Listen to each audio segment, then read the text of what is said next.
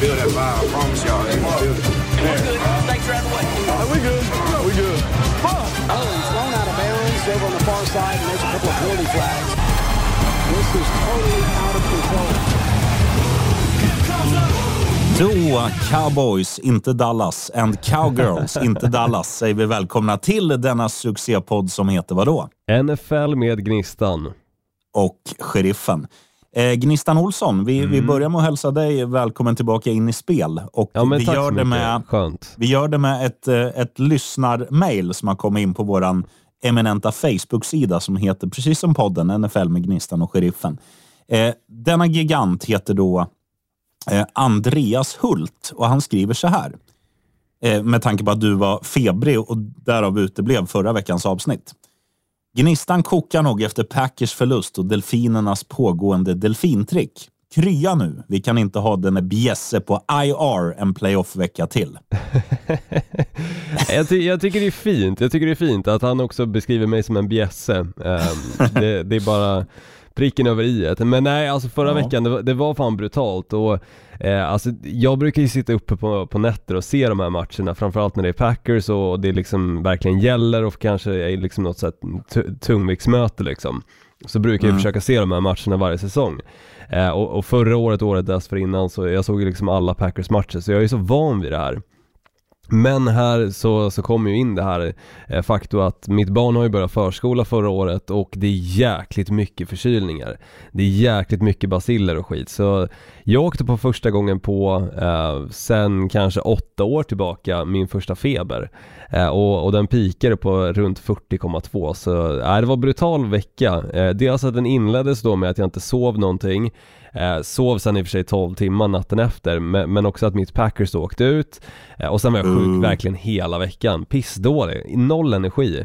Ehm, jag, jag så, såg knappt på TV liksom, jag, jag, jag missade väldigt mycket men sen, som tur var jag var tillräckligt frisk till helgen för att kunna kika åtminstone på några av matcherna. Jag såg ju inte de här nattematcherna som jag vet att du såg några av dem. Ehm, Jag såg men- allt. Ja men precis, men, men åtminstone så såg jag ehm, ja, de tidigare matcherna, den som började vid sju och den som började vid tio eh, såg jag. Så nej, lite koll har jag på vad som hände eh, trots f- ja, förkylning och feber och allt vad det var. Men det är skönt att vara tillbaka, äntligen. Ja, welcome back. Du Olsson, innan vi studsar in på det som är det viktigaste idag, det, det är liksom att bena ut kommande, det som på svenska heter kvartsfinaler. För nu är det bara åtta lag kvar som kan vinna Super Bowl. Vi Stämmer. kommer ta matcherna i kronologisk ordning och allt sånt där. Men du nämnde Green Bay Packers, så jag tycker att det här ska vara den sista gången det här, eller denna säsong, vi, vi nämner de gröna jävlarna från oststaden, eller oststaten, förlåt. Eh, och min fråga till dig är så här. Tror du att din hjälte med nummer 12 på, på tröjan, eh, Aaron Rodgers, blir han kvar nästa år? Jag tycker det känns väldigt osäkert om jag ska vara helt ärlig. Eh, men det har det gjort de senaste åren. Eh, det, det liksom är det, det är en konstant oro som Green Bay Packers-fan eh, och vissa tycker också att det börjar bli en irritation. Eh, just att han, han aldrig liksom ger ett tydligt Okej. svar när säsongen väl slutar. Om han kommer faktiskt komma tillbaka till spel i Green Bay eller om han väljer att faktiskt lägga skorna på hyllan. Alternativt att begära en trade, vilket också är ett scenario. Så Ja, nej, bollen är äggformad. Den, den studsar åt många, många olika håll och eh, eh, just nu så känns det som att det, det är precis vad den kan göra när det kommer till Aaron Rodgers. Ingen aning Ja. och, och jag håller väl med dig. Det, det känns som läge nu att eh, lägga locket på för Green Bay Packers för denna säsong och, och blicka framåt istället på den stora slutspelsveckan som nu är, alltså divisional round. Åtta lag av 32 stycken som nu enbart har en möjlighet att vinna en Super Bowl. Eh, magiskt. Och, och några Ska- skrällar fick vi se också i helgen som var. Ja, och de, de kommer vi nämna när vi pratar om de lagen, tycker jag. Att vi, liksom, vi tar de här matcherna, eh, vi grottar ner oss i, i matchupperna en efter en. Vi, vi börjar väl med Kansas City Chiefs mot Jacksonville Jaguars. Det är den första ut då som spelas, vad blir det 21 januari på natten. När fan är det? Är det lördag kväll borde det bli. Eh, ja precis, lördag kväll spelas den så, så precis som du säger 22.30 börjar den. Eh, det är ju ett återmöte. Eh, många av de här matcherna eh, och, och lagen har ju mötts under säsongen tidigare och vi fick ju se ett Kansas City Chiefs under eh, säsongen då som ändå fick stå emot lite grann mot ett Jacksonville Jaguar som, eh, som någonstans kom tillbaka in i den matchen och faktiskt hade eh, chans på att eventuellt vinna. Även om nu, jag tror resultatet slutade väldigt i, i favör för just Kansas City Chiefs. Eh, dels så, så tycker jag ändå att Jacksonville Jaguars bevisar i den matchen att det, det var ett bra lag. Eh, och det var en Mm. av många matcher som de också förlorade ganska eh, snörpligt när det ändå kändes som att de spelade tillräckligt bra för att kunna vinna men de hade inte riktigt det där sista för att kunna ta klivet. Eh, Så jag Nej. tycker det känns väldigt kul att vi får se de här två lagen mötas återigen på samma eh, arena då på Arrowhead i ehm, eh, ja, Missouri. KC. Eh, precis, så och det känns spännande. Men, men såklart, alltså tunga favoriter i Kansas City Chiefs, de har dessutom haft en bye week. Det är alltid Ja. den här spekulationen om en bye week är positiv eller negativ och jag tycker i Kansas City Chiefs fall, det går inte att säga att det är negativt för de har varit igenom det så pass många gånger eh, och, och haft den här bye weeken, så många av spelarna och de vet precis hur de ska eh, göra sig redo för att faktiskt spela kommande helg då. Dessutom så Nej, var det inte speciellt länge sedan som de spelade Super Bowl och alltid innan Super Bowl så, eh, så är det ju en veckas vila för, för lagen för Ja. däremellan så är det ju alltid Pro Bowl. Eh, så, så som sagt, de är ju vana vid den här ehm, ja, jargongen att faktiskt sitta en vecka hemma och faktiskt bara preppa inför kommande match då som, som de ska spela. Eh, och jag tycker Ja. det känns extremt spännande. Ehm, för, för jag tycker att plus 8,5 på Jacksonville Jaguars ty- tycker jag ändå känns lite bjudodds faktiskt, om man ska vara ärlig. Ja, det kan absolut vara spelvärt. För att och- om man tittar på, för de, de spelade ju i alla fall förra veckan, Jacksonville Jaguars, och som de gjorde det. De låg under med 27-0 och man tänkte vad, vad gör prinsen? Han kastade interception efter interception och så hade de lite otur och så hade de, alltså de hade hela fru Fortuna eh, emot sig. Alltså allt gick eh, Chargers väg som de mötte, LA Chargers. Eh, och det som händer, det är att jag ger upp. ehm, det är många andra som ger upp. Det är någon snubbe som, jag läste det här på Twitter, så jag vet inte om det är sant, men jag tror det. Det var någon pappskalle som lassade 15 miljoner kronor. Jo men det stämmer, att, det är eh, korrekt. på- att har Chargers eh, skulle vinna. bekräftat det, så, så det stämmer. Ja. Och det var ju så, han fick väl en- 1,1 gånger pengarna eller något sånt där. Och bara, ja men det är perfekt, då vinner jag 150 000 enkelt här. Men det som händer, det är att prinsen och framförallt Christian Kirk skulle jag säga kommer ut i andra halvlek och är hur jävla bra som helst. Prinsen sätter varenda passning, merparten till Kirk.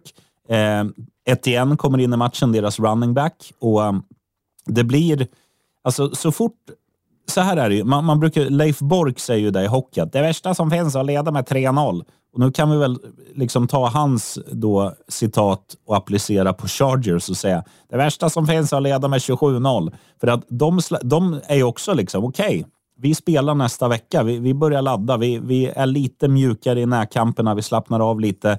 De har liksom sitt mindset en vecka bort och det märks för att direkt när, när Jags får lite, lite hugg, lite smak av blod så, så blir det så att de tar ju hela armen och gör inte ett misstag på hela matchen.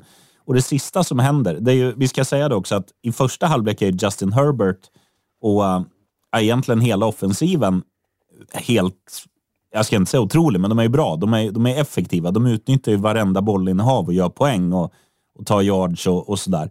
Men de är helt osynliga i andra halvlek. Jags försvar kommer till spel, Jags anfall kommer till spel och eh, Sen är det också så här att det, det är så häftigt tycker jag med ett så, här, så pass orutinerat lag. För då tänker man så här, okej, nu har ni gjort det så jävla bra. Nu är det bara en kicker som ska göra sitt jobb och sparka in den här i slutsekunderna.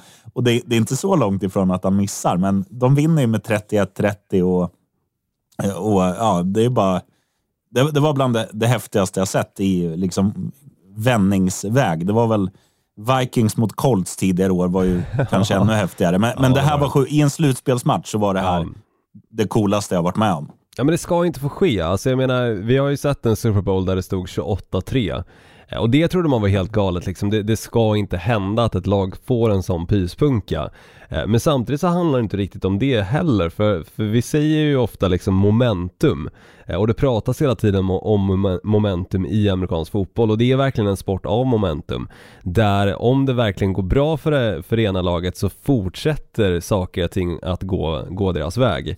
Ehm, och sen någonstans så fort den momentumen skiftas så, så är det liksom en uppförsbacke för, för det laget som då hamnar på, på fel sida av just, just den biten.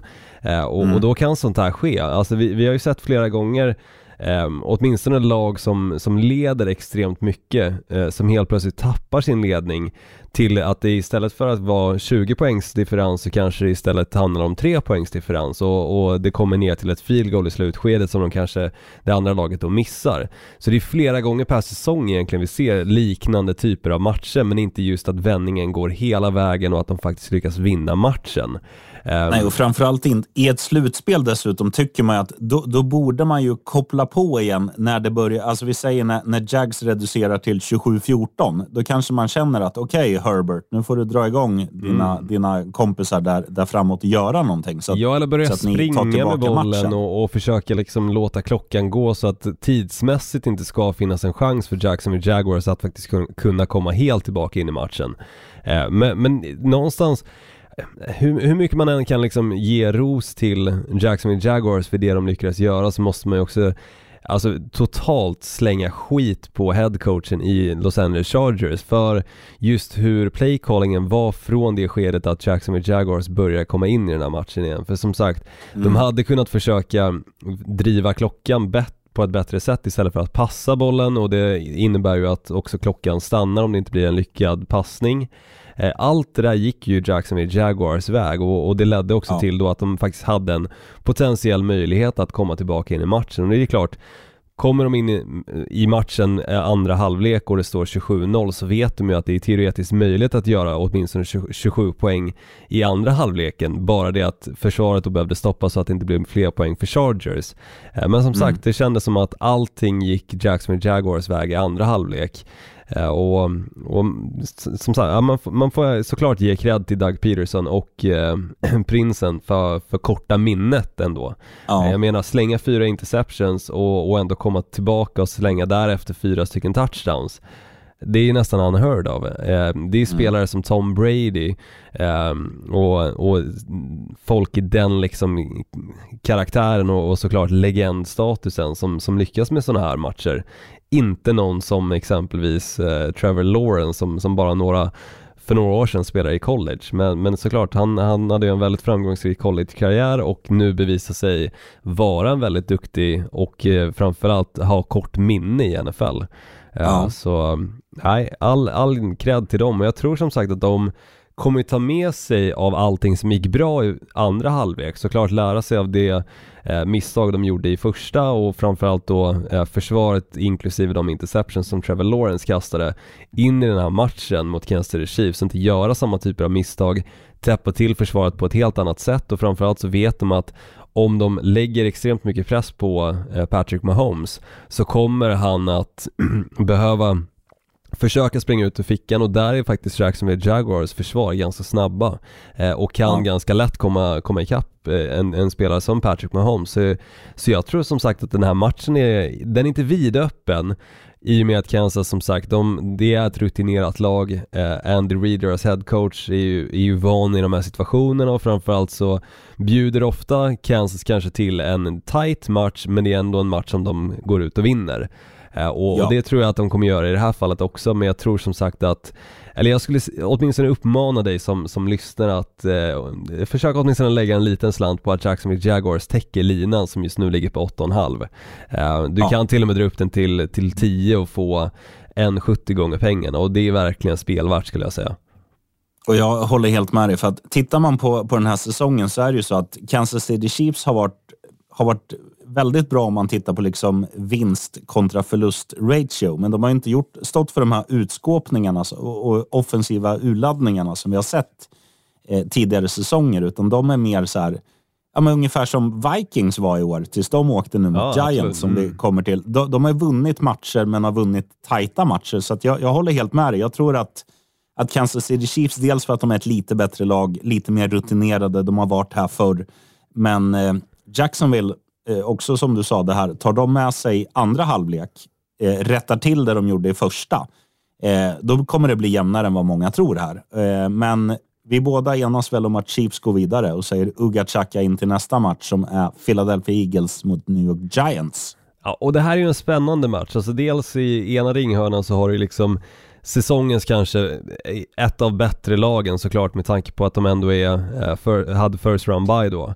Philadelphia Eagles och i andra ringhörnan så har du ett helt otippat lag som ingen trodde skulle ta sig till slutspelet med Saquon Barkley och Daniel Jones i spetsen. Saquon som har haft comeback season of the year tycker jag utan tvekan. Och Daniel Jones som har bevisat att han är en quarterback som, som verkligen platsar i NFL som, som starter. Eh, och har ju sitt kontraktsår nu dessutom så, så han kommer ju få ett stort kontrakt efter den här säsongen oavsett hur det slutar i den här matchen. Men det är ett roligt möte, det är ett, också ett möte som vi har fått se två andra gånger under säsongen med tanke på att de spelar i samma division också. Eh, så de här mm. lagen är ju väldigt vana vid varandra. Eh, och Minns jag rätt så var spelare Jalen Hurts bägge de matcherna som de mötte New York Giants också.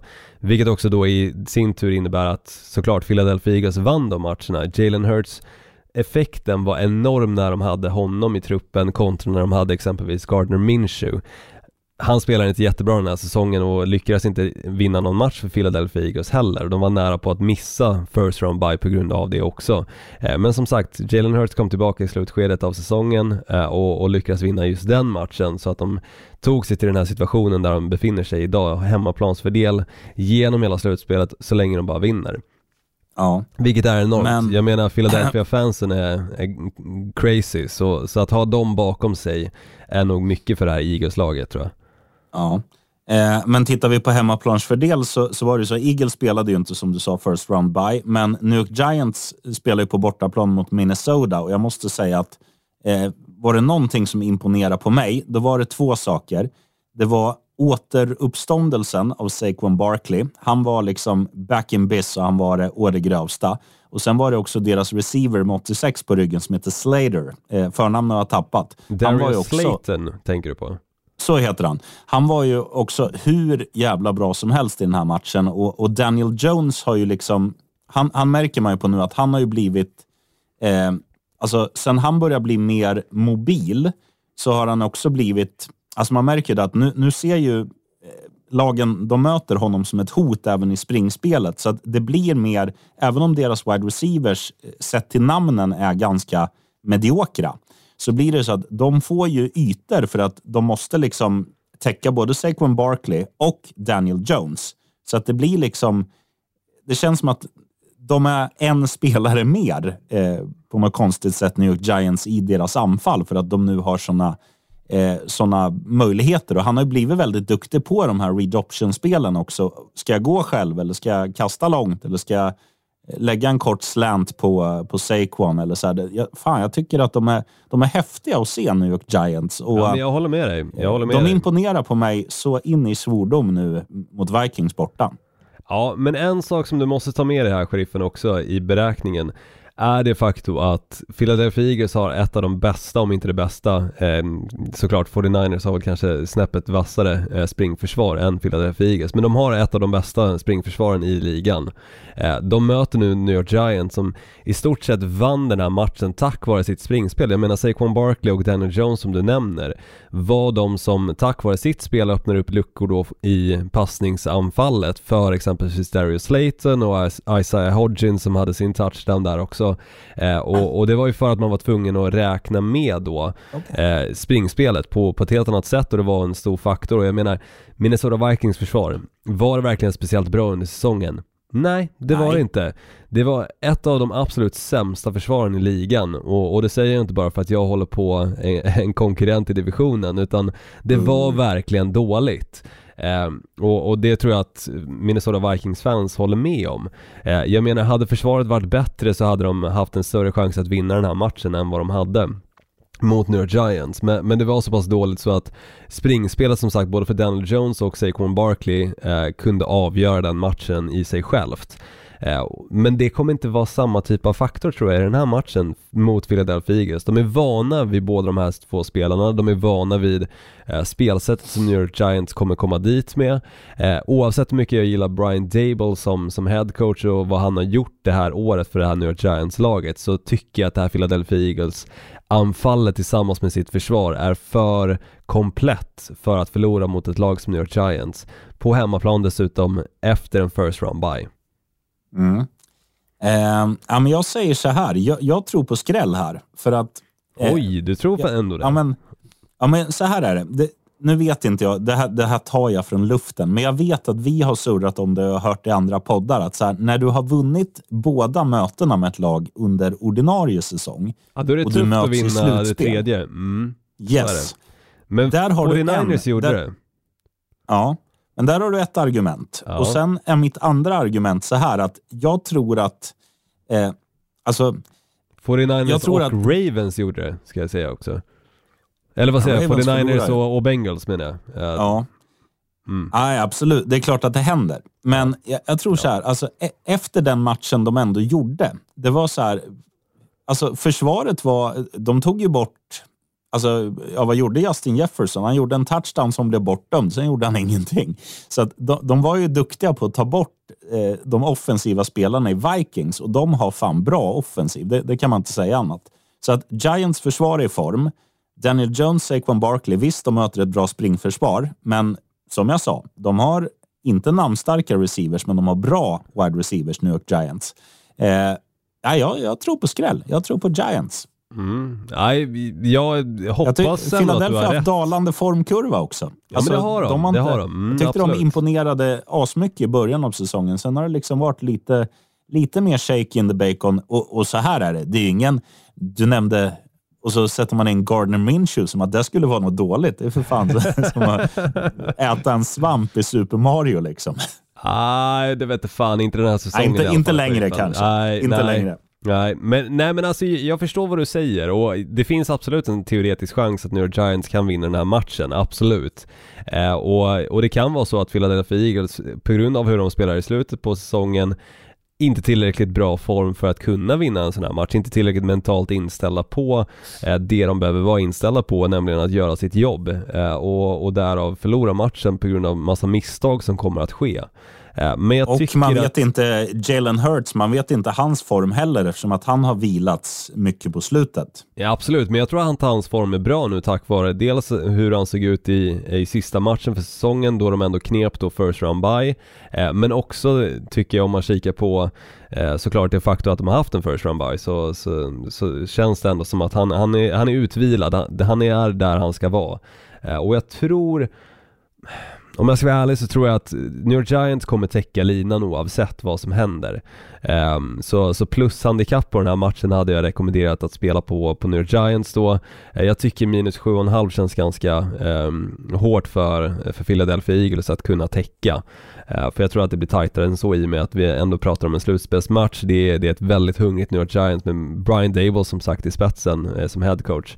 Eh, som har gjort det extremt bra när det kommer till playcallingen. De har inte riktigt förlorat de här eh, stora matcherna heller utan det, det var några matcher där i mitten på säsongen som, som de ändå torskade och man kände liksom så här, är de verkligen så bra som man har hypat upp dem som? Men, men nu när truppen är samlad igen, de känns pigga och, och framförallt enade så, så känns det som att det, det är ett bra lag. Så plus handikapp men jag tror att Eagles vinner. Ja, eh, vi skuttar vidare till nästa och här tänker jag inleda. Eh, Buffalo Bills mot Cincinnati Bengals. Eh, för så här är det. Förra veckan så gick Buffalo Bills vidare. De gjorde det på hemmaplan mot ett vinklippt Miami Dolphins som startade med kanske den sämsta QB'n i mannaminne. Jag har till och med glömt hans namn. Skyler Thompson. Skyler Thompson, men jag tänkte så här, ja, det, det är snyggare att han är the nameless one. Bra Volbeat-låt för övrigt. Absolut. Hold on to me baby, his bony ass will do you no harm.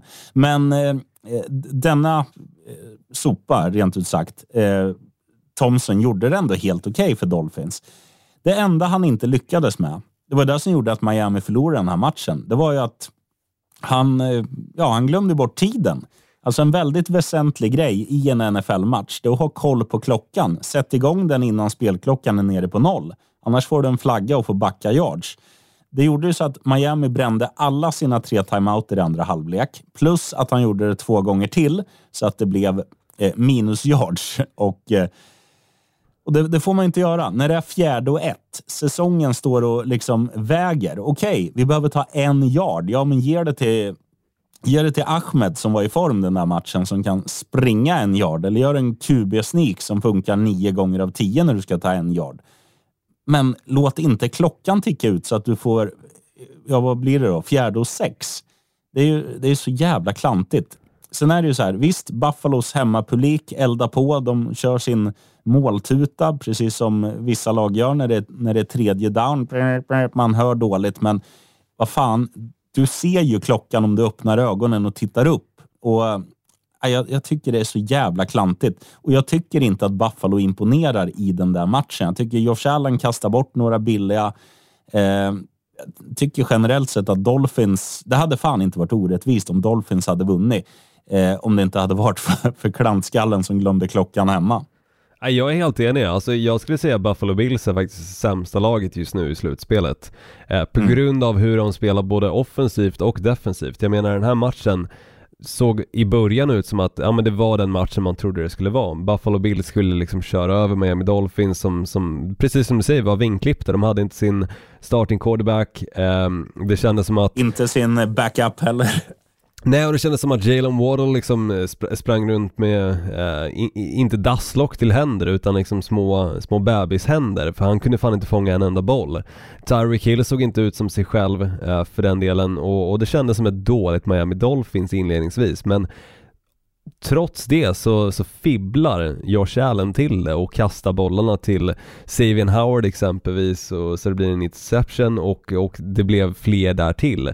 Um, och det är så klantigt, dessutom en fumble som ledde till en touchdown. Det är så klantigt av det här eh, Buffalo Bills-laget. Och som sagt jag tycker att det är just nu det sämsta laget i slutspelet som egentligen borde åka ut här och nu mot Cincinnati Bengals i helgen. För jag tycker Bengals nog för att de också spelat ganska eh, risigt i vissa matcher så tycker jag fortfarande att exempelvis Joe Burrow har gjort bra mycket mindre misstag än vad Josh Allen har gjort den här säsongen. Ja, eh, sen absolut. går det såklart att säga att exempelvis Dak Prescott i Dallas Cowboys, han har gjort eh, extremt många misstag och kastat extremt många interceptions. Inte alls lika många som Josh Allen, eller fler än Josh Allen det vill säga, men, men jag tycker fortfarande, fan Buffalo, det, det känns som ett ett lag som, som är överhypat verkligen. Alla sa inför säsongen att de skulle vinna Super Bowl och jag känner nu att om de skulle gå och vinna Super Bowl så skulle det vara årets skräll. För att så som de har sett ut i många av matcherna den här säsongen har inte varit ett Buffalo Bills som förtjänar att vinna en Super Bowl. Nej, det, det håller jag helt med om. Eh, om, om, vi tar Bengals-matchen lite snabbt Det var ju ett ganska häftigt avgörande i den för att mm, eh, det, står, det står helt lika och nu är det ganska lång tid kvar på matchen så det här är absolut inte det sista som händer. Men det är fjärde korten i alla fall. Eh, och Baltimore Ravens har då från, vad kan det vara, enjardslinjen, tvåjardslinjen, chansen att göra en TD. Istället så tappar man bollen och en av försvarsspelarna då i Bengals, som också är född i Cincinnati, han tar bollen och kutar 94 yards eller vad det blir eh, in i målområdet och det blir det sista poängen i matchen. Det är det som skiljer, det är sju poäng. Eh, och eh, det är bara att lyfta på hatten åt honom för den Eh, alltså, hade det varit tvärtom, jag vet inte fan om Bengals hade kunnat komma tillbaka. Nej, eh, alltså, att, eh, det var en match... till deras försvar. Ja men verkligen och jag menar här, här visar det ju också att det är jäkligt tufft att mötas tre gånger på samma säsong eh, och lyckas vinna tre eh, av de matcherna då. Eh, just med tanke på att det är precis det som har hänt och jag menar Cincinnati Bengals i de tidigare matcherna känns som att de ändå dominerar ganska bra. Men i just den här matchen så kändes Tyler Huntley eh, verkligen på hugget, han, han gjorde mycket rätt beslut bortsett från just det där.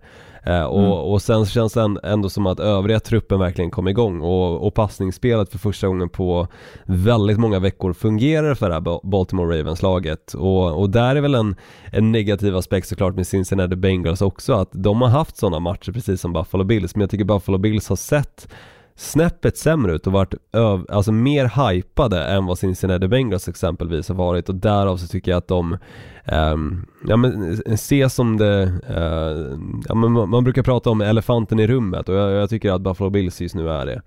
Um, så nej, Bengals känns snäppet vassare. Jag tycker, jag tror att de ändå vinner den här matchen, skulle jag säga. Ja, jag tror, jag tror så här att eh, eftersom att det var så dåligt ifrån Buffalo mot Dolphins så tror jag att de kommer titta jättemycket film. Dels från den här, vad de gjorde dåligt. Sen kommer de också spola tillbaka eh, till de första veckorna den här säsongen och, och, se vad gjorde vi bra?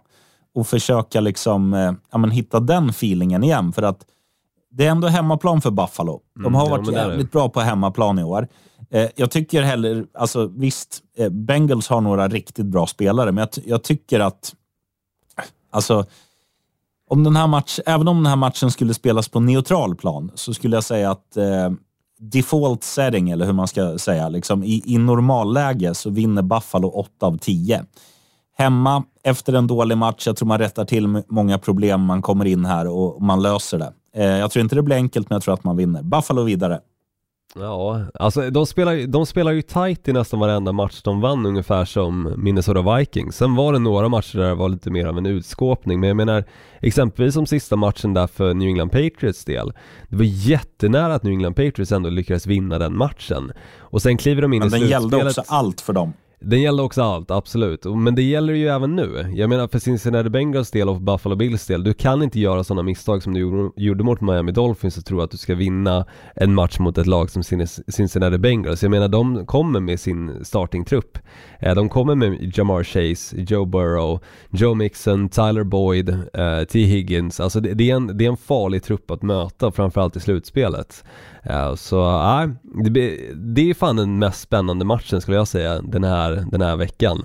För den känns mest ja. oviss i min, i min bok, men, men jag tror som sagt att Bengals ändå lyckas vinna. Jag, jag tror så här, jag tror att alla matcher förutom eh, Kansas mot Jags kommer vara snortajta och väldigt, väldigt ovissa och, och svängiga och sådär. Det, men eh, det är kul att vi är oense om något. Jag tror ja, Bills, du tror mm. Bengals. Jajamän. Om jag, fråg, om jag frågar dig så här då, Olsson, på sista. Tror du San Fran eller Dallas Cowgirls? Alltså det här Dallas Cowboys har ju redan vunnit sin Super Bowl. Jag menar de vann en slutspelsmatch uh, i, i måndags. Och det, det är fan deras Super Bowl. Så, så jag tror att de nästan är nöjda, alltså på, på sätt och vis. Det är klart att de vill mer. Det är klart att de vill vinna Super Bowl, men, men det är fortfarande Dallas Cowboys. Det är fortfarande Dak Prescott som har kastat flest interceptions i ligan tillsammans med Derek Carr tror jag. Uh, och, och det är vansinne. Jag menar, Dak Prescott missade väldigt många matcher eh, under säsongen. Derek Carr gjorde inte det förrän i slutet på eh, säsongen. Eh, och, och ändå så hade då Dak Prescott lika många interceptions. Det, det, nej, det är för dåligt tycker jag.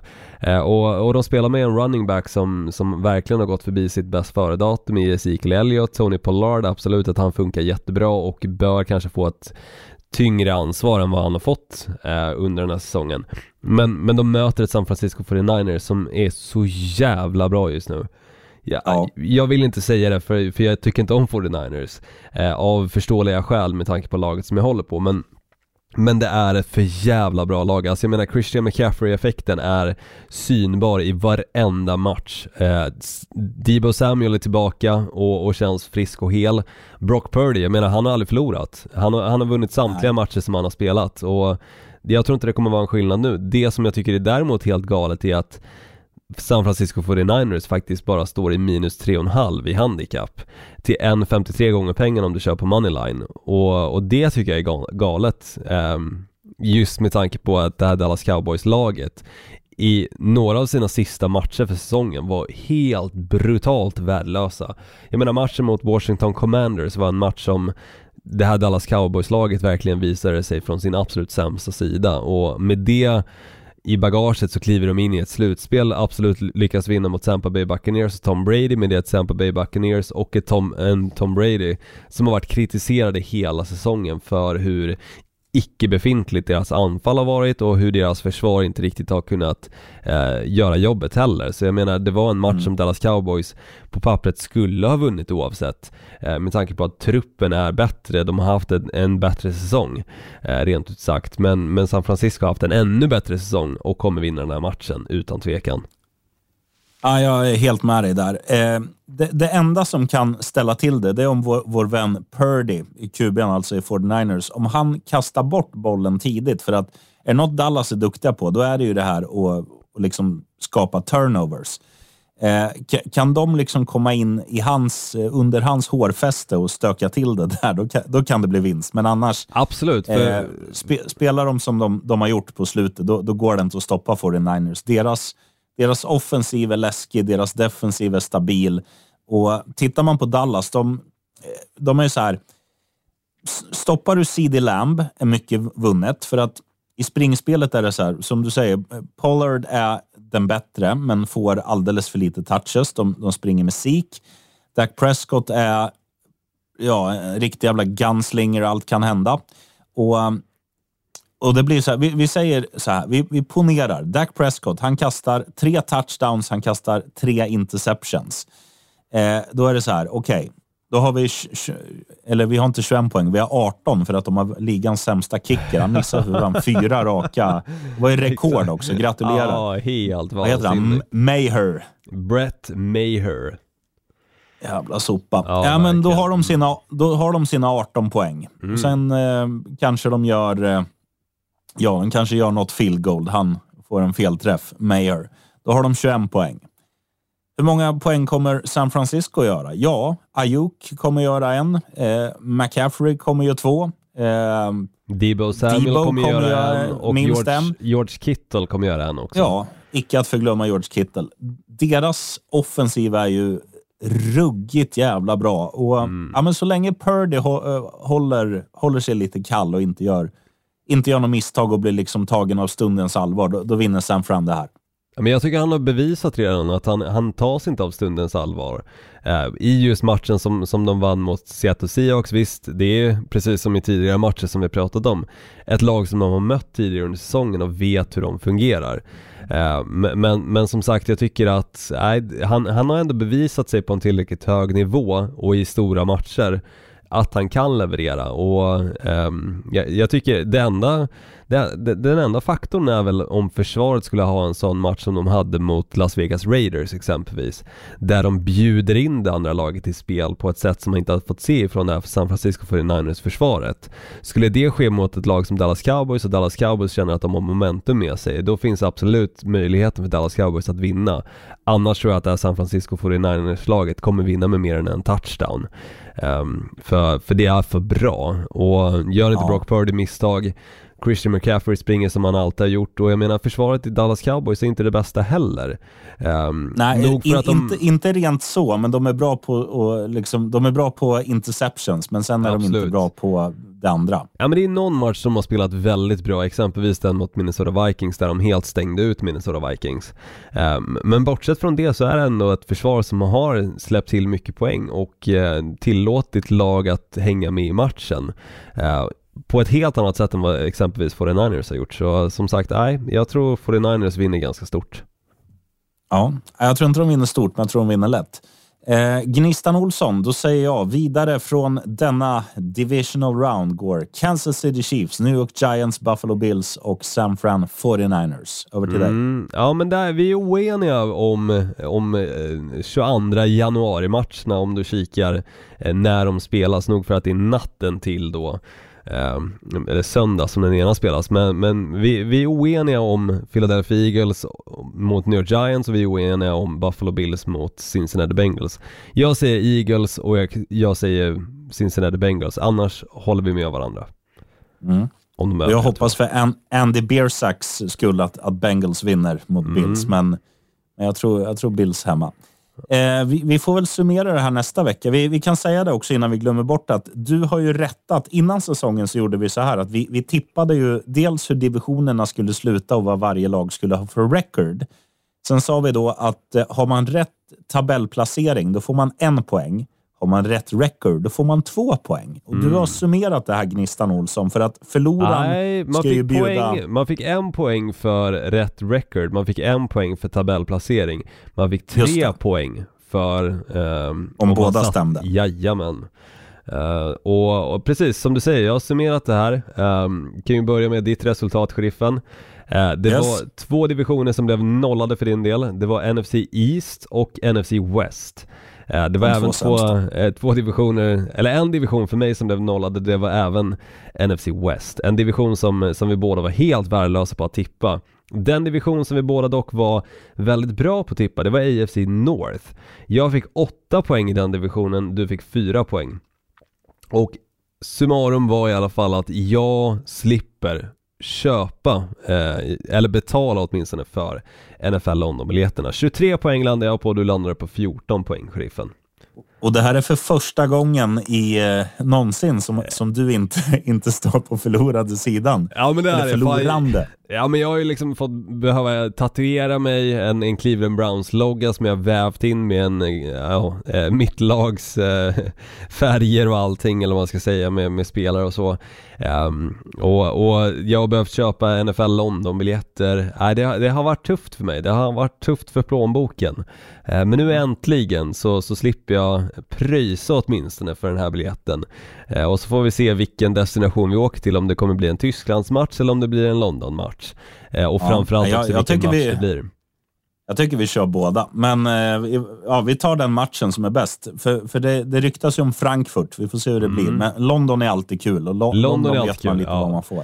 Ja men så är det, men, Eh, men, absolut. Kör vi, kör vi två matcher så, så är jag helt öppen för det också. Det gäller bara att få igenom det hemma men, men det ska nog gå. Det ska nog gå. Säg, säg, att, säg att jag betalar bara. Absolut. Vi kan, vi kan köpa billiga biljetter och gå, åka på båda.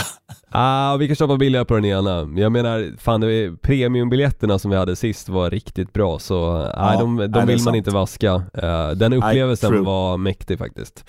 Eh, Jag ska, jag ska boka på mig my- mycket gig här så att, eh, Ja, men det är bra. råd. Det är bra sheriffen. Och för dig som Du, eh, lyssnar också, jag kan ge ett tips när det ja. kommer till att köpa faktiskt NFL London-biljetter biljetter som, eh, som kanske inte sades tidigare men eh, i början på säsongen det vill säga. Men, men gör så att det utsatt, den utsatta tiden, det, den dagen där de släpper biljetter, var inne cirka en och en halv, två timmar innan. För när jag gick in cirka två timmar innan biljettsläppet så var det redan då 35 000 före mig i kön. När jag gick in cirka 20 minuter innan biljettsläppet då var jag på plats nummer 180 i kön eh, 180 000 det vill säga så eh, Chansen att få biljetter när man var på plats nummer 180 var väldigt minimala så, så var inne i god tid Sitt verkligen på jobbet med datorn igång Och låt bara eh, den ticka i bakgrunden den här eh, kön det vill säga så har du Ja. en stor chans. För, för jag vet att det var många som bommade tyvärr biljetter eh, för NFL London-matcherna nu som var eh, den här säsongen. Klantigt. Du, eh, Gnistan Olsson, vi, Ja. eh, vi, vi hörs nästa vecka. För nu vill eh, han som sitter under skrivbordet här och har eh, co-DJat i showen, woofa lite, Roggan, vill han klubba. Jag tror du pratade om din lill-Roger, men, men det var ju bra att du pratade om hunden istället. Ja, den, den andra han är, han är stendöd. Han woofar inte. Han ligger i det. Ja, det, ja, för fan. Han lig- ligger och vilar i ett par, ett par kallingar till, som är köpta på Stadium Outlet för att ha råd med NFL-biljetter. Absolut. Och vi Du, pratar eh, kodspråk för att inte behöva slänga på exclibit. Det vet du, för det är för svårt att stava till. Eh, vi lyfter väl på hattarna och säger välkommen tillbaka Olsson. Tack, Tack alla som lyssnar och eh, heja Dolphins. Ja, de är ute nu, sheriffen. Tyvärr.